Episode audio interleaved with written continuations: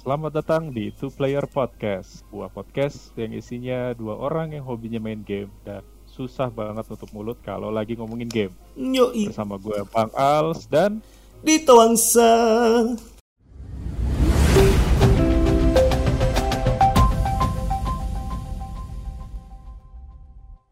Oke, kali ini kita bakal bahas sebuah game Hmm. yang sebetulnya bukan IP baru ya, tapi udah IP lama, bahkan Hmm. sekarang udah masuk ke seri ketiganya, tapi baru-baru ini dibikin lagi di remake seri pertamanya.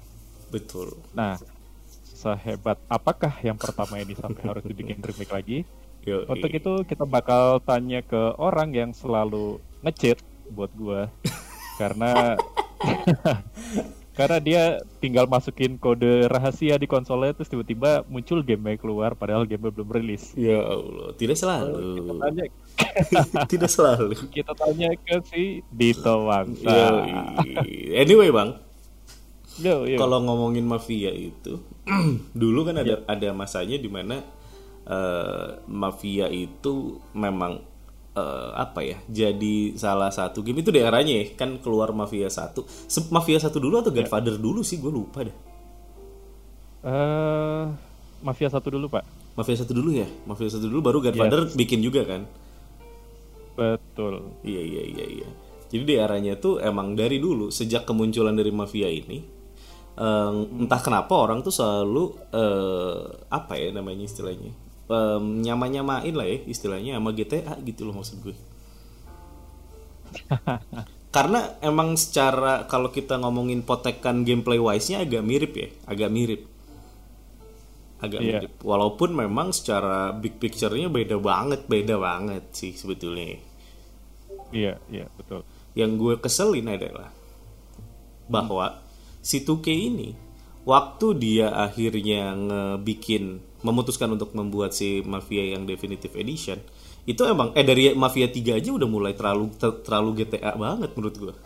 Nah, bisa dijelasin nggak eh, yang terlalu GTA-nya bagian mananya nih? Nah, yang lucunya adalah gue kan eh, sebagai seorang eh, pemain game yang sudah tua eh apalagi lu. apalagi lu. Itu ada tambahan ya apalagi lu. Itu gue selalu selalu selalu belajar gitu tentang eh, genre-genre video game apa segala macam dan Iya. menurut gue eh, somehow eh, dulu tuh ada perbedaan yang cukup jelas antara eh, sandbox game sama open world game gitu. Iya. Ada perbedaan yang jelas gitu. Walaupun kita harus akui semakin ke sini itu semakin ngeblur, ngeblur, ngeblur. Karena memang ya mereka udah ya namanya genre kan baik di eh, industri apa pun lama-lama dia mereka emang ngeblur ya. Kayak ada pop dangdut lah gitu istilah di musik sekarang. Ada iya gak sih? Maksud gue emang akhirnya akhirnya itu semua bercampur. Cuman ada sebuah garis. Dan saat gue mengingat dulu mafia itu sejak dulu sampai sekarang itu dari Mafia 1 2 deh ya kita bicaranya yang jadul itu mereka memang berpegang teguh bahwa pada dasarnya gamenya adalah game linear, story driven, Hmm, ya kan. Beda Iya. dengan GTA yang memang dia open worldnya tuh bener-bener lu bisa ngapain aja, punya misi-misi lain selain misi utama juga gitu ya, banyak Iya. banyak diisi dunianya dengan yang lain. Cuman kalau kita bicara masalah mafia sejak mafia 1 dulu, mafia 2 itu dunianya, mapnya emang besar seolah-olah dia adalah sebuah game open world. Tapi kalau lo lihat lagi, it's actually not an open world game. Jadi bener-bener lu ya tetap aja nggak ada side mission, nggak ada, lu nggak bisa ngapa-ngapain amat juga di dunianya. Nah yang jadi soal adalah di mafia 3 nih si uh, yang garapnya itu uh, si Hangar Tertin kan. Nah si Hangar Tertin ini bang, menurut gue emang uh, coba-coba gitu untuk membuat si uh, Mafia 3 ini menjadi sebuah game yang benar-benar game open world gitu. hmm, Jadi kan kalau lu inget dulu zamannya Tommy Angelo, zamannya Vito Scaletta itu kita nggak nemu tuh yang namanya kita harus ngutak-ngatik stat dari karakternya kan. betul. Nggak ada tuh. Yang pasti senjata aja Mafia 1 kalau lu inget. Itu senjata aja kita setiap chapternya kagak bisa nentuin, Pak. Betul, betul. Iya kan? Kita udah di uh, uh, udah preset, udah udah dikasih. Iya, ya udah. Kecuali memang lo ngambil dari bangkainya musuh gitu. Itu dia. lo bunuh, Iya, Ah, betul. Dan emonya apa segala macam keterbatasannya juga terjadi karena memang ya kayak lumayan uncharted deh gitu sebetulnya hampir-hampir mirip jadinya karena lu nggak bisa milih kan senjata lu loadout lu mau apa Iya, iya. Nah di Mafia 3 Hangar 13 tuh berusaha memberikan pendekatan itu. Jadi eh, yang eh, Mafia 3 itu eh, saking gue bencinya gue suka lupa namanya si eh itunya pemeran utama. Oh si ini Lincoln Clay. Lincoln Clay. Nah si Lincoln Clay ini dia eh, memang Hah, bisa dibilang paling paling mendekati bukan paling mendekati lagi sih emang dikasih eh, open world tapi ternyata kan tidak berhasil ya jadinya terlalu repetitif ternyata dunia mafia dibikin se open world itu tuh eh, mereka tidak berhasil membuat dunianya seimersif itu gitu loh jadi sering boring lah repetitif banget rasanya jadi ya garing lah pokoknya. Tapi akhirnya bang saat dia eh, terpikir untuk meremake kan memang jadinya jatuhnya di tangannya Hangar 13 nih. Dan ini kan menjadi sebuah trilogi. Jadi eh, yang dua yang dua sama tiga di remaster nah yang satunya ini dibikin definitive edition. Nah balik ke yang tadi awal gue bilang yang panjang banget ya panjang banget. Yang yang awal gue bilang adalah saat dia memasarkannya mereka itu ada di beberapa media. Itu mengklaim bahwa game itu open world gitu. Jadi emang ada ya klaim kecil-kecilan lah bahwa si gamenya ini open world. Nah beberapa media itu termasuk GameSpot eh termasuk gue anak tua termasuk jagat eh itu eh, bersikeras bahwa bukan bukan open world mereka mungkin me, apa ya masukin unsur open world iya. Tapi saat itu klaim sebuah game open world gua rasa itu for the sake of marketing aja gitu biar ter apa ya terpasarkan as open world game. Jadi orang-orang yang berpikir wah kayaknya mirip-mirip GTA nih. Ah itu mereka ngelirik dan akhirnya mau beli. Tapi basically it's trap gitu loh. Maksud gue trap dalam arti gini loh ah, dalam arti ya marketing lah. Kalau ya lu ngerti lah pasti kan Iya, iya. itu Nah, eh, ini kalau ngebahas masalah open world atau enggaknya ya. Mhm. Ini kalau kalau kita balik ke belakang, ya ini for your information aja eh, buat yang belum tahu. Mhm. Sebenarnya yang bikin Mafia 1 Definitive Edition ini itu sama dengan yang bikin Mafia 3, tapi bukan pembuat awal Mafia 1. betul bukan Nah, jadi Softworks Illusion nih kalau nggak salah ya. apa Illusion Softwork atau apalah itu ah. Mhm. Nah, eh, tadi lu sempat menyinggung bahwa sering di compare sama GTA, ya kan? Nah, betul Kenapa kenapa bisa di compare dengan GTA? Jadi eh, zaman dulu itu pada saat si Mafia 1 dia launching pertama kali itu be- waktunya beda-beda tipis sama dengan GTA 3 pertama kali keluar. betul Dan GTA 3 itu kan sa- bisa dibilang title yang fenomenal karena itu pertama kalinya eh, GTA itu transisi yang tadinya dari top down berubah jadi open world 3D gitu. Yes. Dan pada saat itu kompetitor nggak banyak yang main di situ gitu. iya iya iya, Dan iya. muncullah Mafia.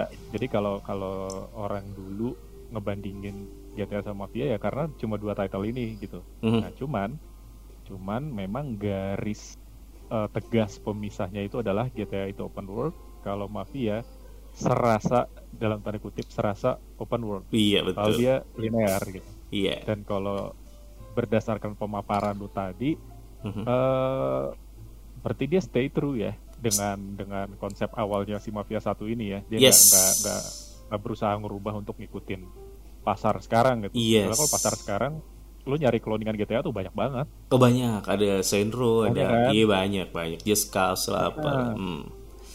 Betul Jadi betul. kesimpulannya dia masih masih stay true ya dengan ini ya walaupun developernya beda ya. Masih masih pak. Jadi memang eh, yang gue lihat Hangar 13 juga mungkin melihat dari ke tololan dia saat dia mengeksekusi Mafia 3 gitu maksud gue emang emang emang tolol gitu loh. Banget kayaknya bapak ya. kesel gue maksudnya gini loh gue tuh eh, gue yakin lu juga adalah orang yang sangat suka dengan mafia kan mafia series. sangat. iya dong maksudnya Tommy Angelo Vito Scaletta walaupun eh, dikaitkannya eh, setiap serinya secara soft gitu maksudnya mereka nggak benar-benar yang kayak terkait secara langsung langsung ya eh, langsung tidak langsung lah. Cuma at least mafia adalah sebuah game yang menurut gue punya eh, apa ya karena kan basically gue sama lu juga emang penikmat naratif ya maksudnya story story game-game yang storynya kental kita demen itu dia. Nah tiba-tiba pas eh, datang mafia 3 Eh, gue sih nggak masalah dengan si pemeran utamanya jadi kulit hitam ya. Maksud gue terserah lah mau kulit lo pink juga gue nggak peduli. Cuman maksud gue eh, setelah dirubah seperti itu uh, gue punya punya sejumput harapan nih. Wah kira-kira Hanger tertib mau nawarin apa nih? Pemeran utama udah keren banget nih berubah jadi seorang kulit hitam eh, dalam dunia mafia. Kan ya lu pasti nonton dong Goodfellas terus eh, ya semua lah emang ada mafia kulit hitam kan mohon maaf nih ya, ya kita ngomongin orang Sisilia sama kulit hitam nih ibaratnya kan air dan api gitu. Nggak nggak di mana sih lu bisa nemuin gitu kan? Emang emang eh, jarang banget kan gitu. Bisa nemuin Kalau gitu. yang Hmm? kalau mau ekstrimnya ya antara budak dan majikan gitu. Iya. Sorry ya kalau ada yang tersinggung gitu. Cuman ini by Ya, history ya kita ngomongin by history ya. iya ah, by story antara majikan dan budak kan. Betul. Putih dan hitam dulu. Betul, apalagi kita bicara orang-orang Italia yang sebegitu eh, merasa apa ya ibaratnya dia kan berasa ningrat banget, berasa kaumnya itu kaum yang sangat eh, apa ya diagungkan gitu. Bahkan Superior, oh, ya. superior, sangat-sangat superior bahkan gue bisa bilang Italia ini eh, di era-era mafia itu emang udah udah kayak orang-orang India yang punya kasta-kasta yang jelas juga gitu. Karena di eh, Little Italy yang ada di Amerika itu mereka untuk bisa masukin orang yang nggak ada keturunan eh, Italinya itu prosesnya sulit sekali gitu gitu. Dan tiba-tiba dia bawa eh, kulit hitam sebagai pemeran oh thank you it's okay. Terus pas pemaparan kalau sebetulnya dari dari dari bagaimana si Hanger 13 berusaha untuk bikin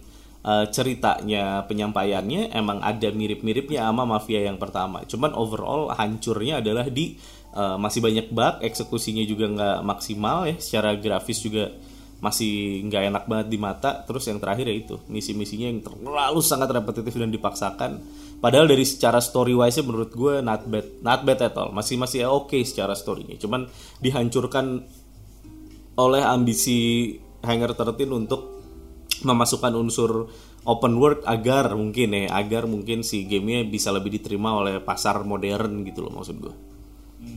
Karena kan ya. Nah, tadi hmm.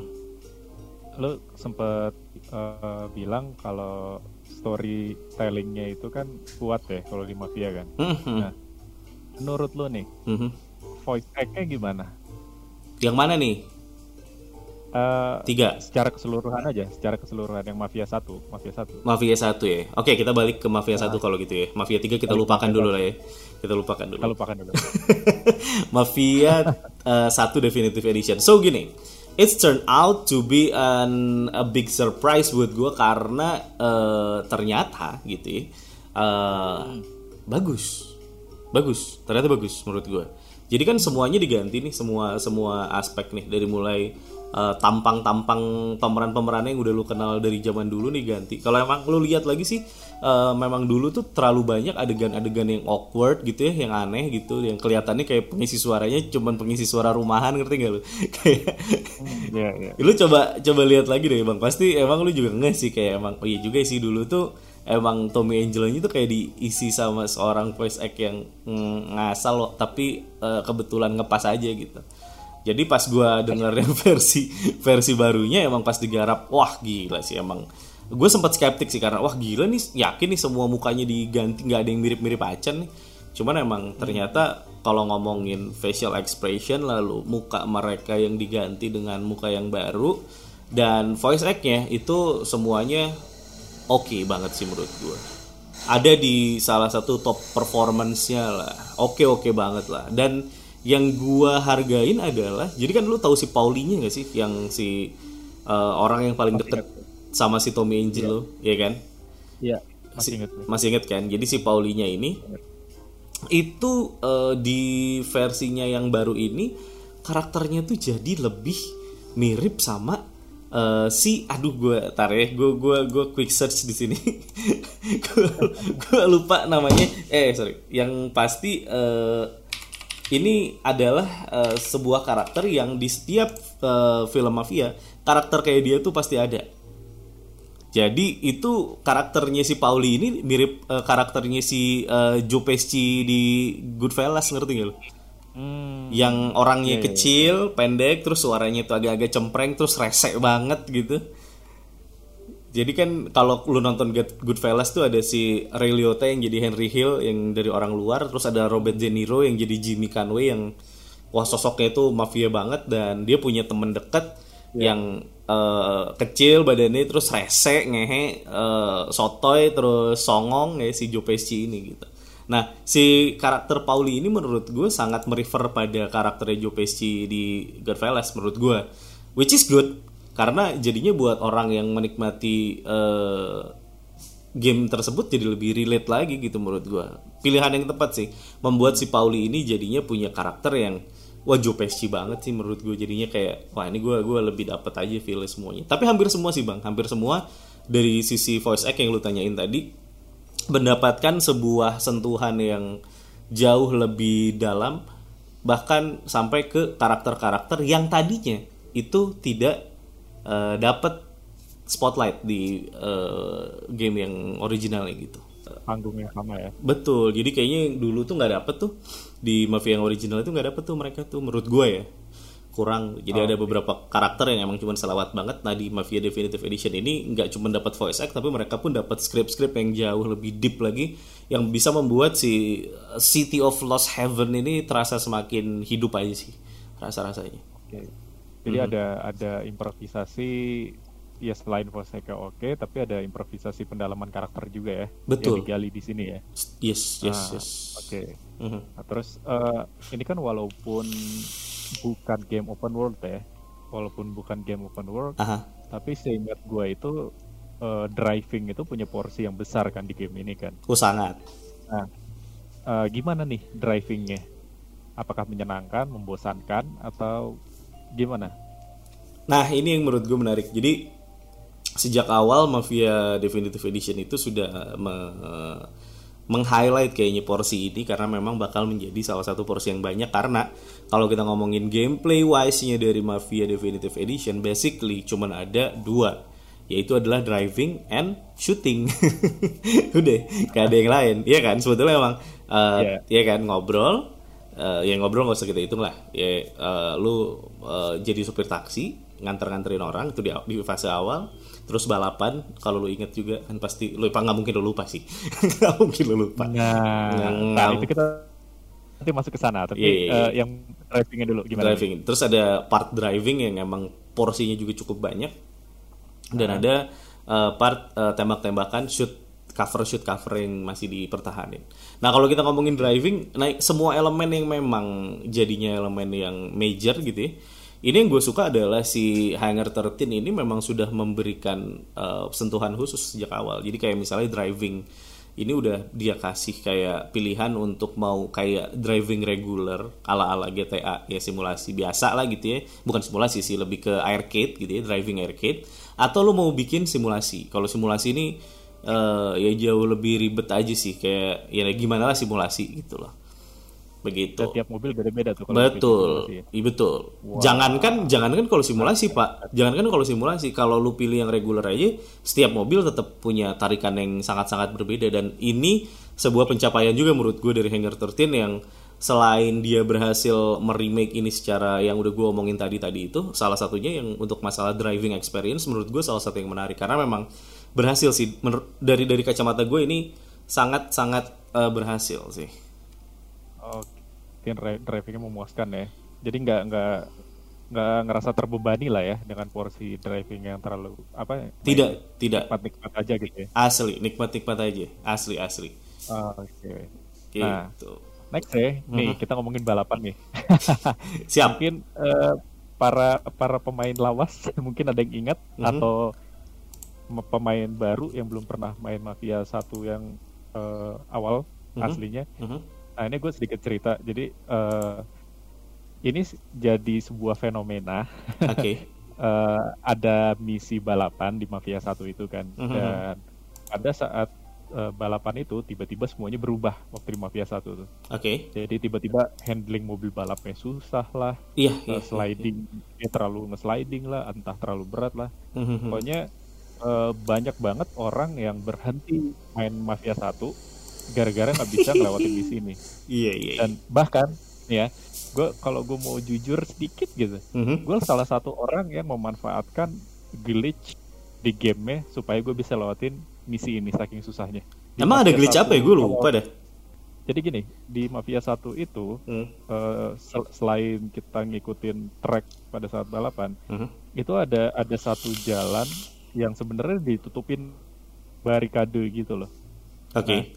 Eh, logically kalau kita main normal ya kita kan ngikutin jalur balapannya aja Mhm, mhm. karena jalan itu dibarikade kan. Nah padahal kalau mem- memanfaatkan glitchnya itu Mhm. kita berbelok ke masuk ke dalam barikadenya, Mhm, terus kita ikutin jalan di barikade itu, mhm. walaupun ada notifikasi lu salah arah gitu, lu suruh balik badan, tancap gas aja, tancap gas. Nah itu nanti dia nembusnya itu eh, sebelum garis finish line. Ya Jadi pada Allah. saat lu iya sampai sampai lu ujung lu ikutin deket finish line, Hah? nah lu nge-restart ada tombol buat nge-restart eh, posisi mobil lu, misal Hmm. mobil lu kebalik. Mhm. Jadi nge-spawning ulang gitu. Iya iya iya. Nah iya. pada saat nge-spawning ulang itu dihitung satu lap. Hmm, I see. Jadi lu ibaratnya ngambil shortcut gitu loh. Nah gue salah satu orang yang memanfaatkan glitch itu supaya gue bisa menang karena saking susahnya. Nah, Ih. masih adakah balapan yang fenomenal itu gitu? Iya, iya, Ini iya, pertanyaan iya, komen iya, iya. kayak gue bakal ke sana. ya. Oke oke Ada gini gini gini. Yang pertama adalah gue cukup mm, lupa sesusah apa itu karena nggak tahu ya. Mungkin dulu gue eh, bisa melewatinya susah mungkin ya. Cuman nggak terlalu membekas tuh di ingatan gue. Susahnya tuh banget banget tuh nggak terlalu membekas tuh gue. Kebetulan ya nggak tahu kenapa. Karena balik lagi ya, karena di podcast ini kita bisa ngobrol sebebas-bebasnya, ya, gue juga mau cerita. Iya bener, karena ini bang, ya, dulu waktu gue main itu zamannya gue eh, pacaran. Pacar lo yang menangin Kagak, enggak? justru kagak. Justru gini, jadi eh, gue kan gamers yang yang lumayan akut ya, gamers yang lumayan akut. Dan eh, gue itu masih sangat ingat gue main Mafia itu di Xbox. Oke. bukan di PlayStation. Gue mainnya di Xbox dan eh, gue tuh candunya parah sama Mafia yang pertama ini. Jadi eh, setiap main eh, itu gue pasti ditemenin sama cewek gue karena nggak ada pilihan. Pacaran mau nggak mau karena gue nggak mau kegiatan yang lain gitu ya. Pacar gue pasti nemenin. Nah mungkin karena gue sambil dit- ditemenin pacar kali ya gitu. Jadi gue nggak terlalu inget tuh itu susah banget. gitu. Oh, dasar. Iya, karena kan Curiganya mata lu nggak ke monitor. Eh, iya antara mata sama ya sudah lah ya nah gitu anjing lah tapi maksud gue emang gue agak lupa cuman gini kalau ngomongin itu masih ada atau enggak ada banget ada banget ada banget. Apalagi kalau lu pakai yang eh, levelnya yang eh, di atas yang normal gitu ya. Udah gitu lu pakai yang simulasi sih pecah sih. Karena di level yang paling mudahnya pun masih agak sedikit eh, agak sedikit sulit sih menurut gue gitu. Cuman di normal ya di normal masih oke lah. Walaupun memang nggak semudah itu gitu. Maksudnya masih tetap sulit sih. It's a legend.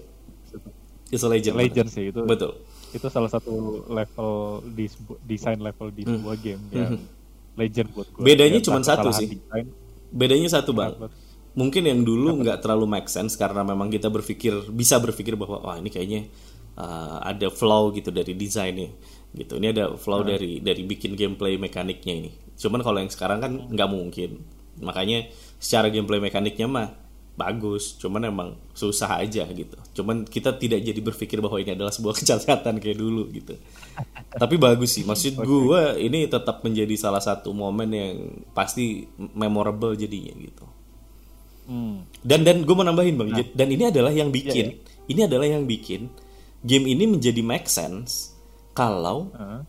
kebanyakan kegiatan menyetir di dalam game ini itu yang pegang kendali adalah kita. Ngerti gak lo? Gimana gimana gimana? Jadi gini, kan banyak game-game open world yang uh, isinya banyak fetch mission ya kan. Kayak lu disuruh anu lah, lu disuruh inilah, pas lu mau naik mobil, lu harus nyetir mobilnya lah gitu. Ya dikacungin aja sebagai uh, sebagai uh, pemeran utama tuh lu kayak malah dikacungin gitu. Cuman di Mafia ini dengan si Tommy Angelo ini adalah seorang penyetir handal dan dia pernah menangin sebuah balapan padahal dia bukan pembalap.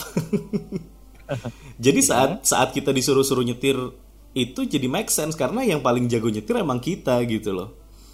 Oke. Gitu loh, Masuk kayak- ke dalam ceritanya ya. Iya gitu jadi make sense kalau di game-game tertentu kan ada yang kayak kenapa kita terus yang nyetir sih kan bisa aja yang kayak Eleanor dah kalau lu inget Eleanor tuh bisa kita yang nyetir bisa teman kita yang nyetir Betul, itu Iya kan? sebuah fitur yang cukup wah buat gua sih. betul nggak sih? Karena memang jadi make sense juga kan. Dan Eleanor menurut gue Rockstar gokil sih karena jadinya make sense. Kenapa harus kita terus yang nyetir? Kan bisa aja orang lain yang nyetir. Eh dia bikin bisa orang lain yang nyetir. Nah untuk di Mafia ini eh, hal yang membuat itu menjadi make sense adalah karena Tommy Angelo adalah seorang pembalap ulung gitu. Jadi kalau udah urusan nyetir udah deh kasihin ke kita deh daripada orang lain yang nyetir jadinya kacau mendingan gue aja yang nyetir gitu itu yang mau gue tambahin itu aja sih Iya. keren itu menurut gue adalah poin yang iya betul yang jadi make sense kan oh iya iya harus kita yang nyetir nih gitu. lanjut lanjut lanjut iya aku senang gue Nah, menyambung yang menyambung yang tadi kan Hmm. eh, di game ini porsi besarnya driving and shooting kan lu bilang tadi. yes Kalau ngomongin shooting itu Mhm. kan berkaitan erat eh, dengan AI. Gimana AI-nya, Pak? Hah, iya juga ya.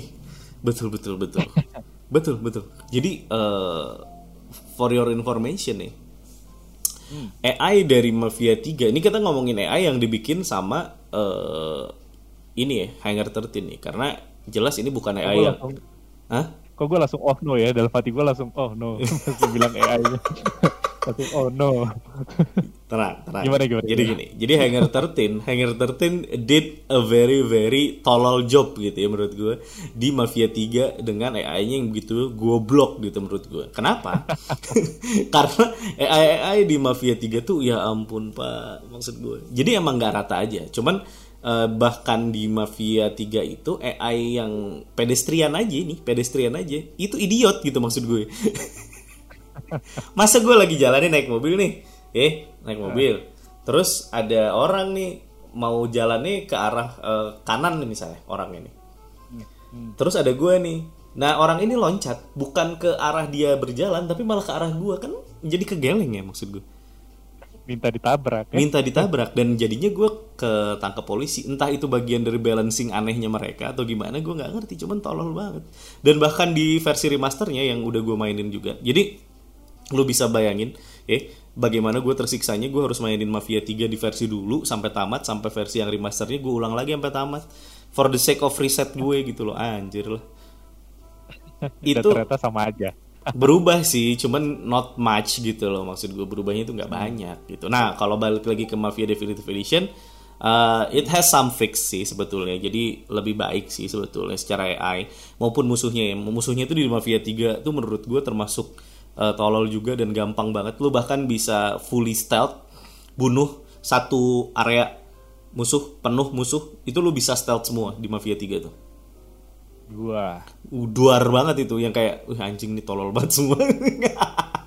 Yang kayak langsung timbul pertanyaan kan itu mafia apa hitman? Asli, Pak. Mafia apa hitman? asli. Udah gitu kita kulit hitam badannya gede kan. Maksud gue kayak ya allah ini gimana di mana mafianya sih maksud gue iya udah berasa main jadi Connor Kenway gue anjing Ratona Ketong. Si- iya asli. Nah, jadi tadi lu bilang ada ada ada perbaikan. Yeah, tapi there's some perbaikannya itu cukup cukup untuk bikin game ini cukup challenging gitu loh AI-nya. hmm, Atau malah malah jadi berasa flat aja gitu loh, kayak walk in the park aja gitu tembak-tembakannya.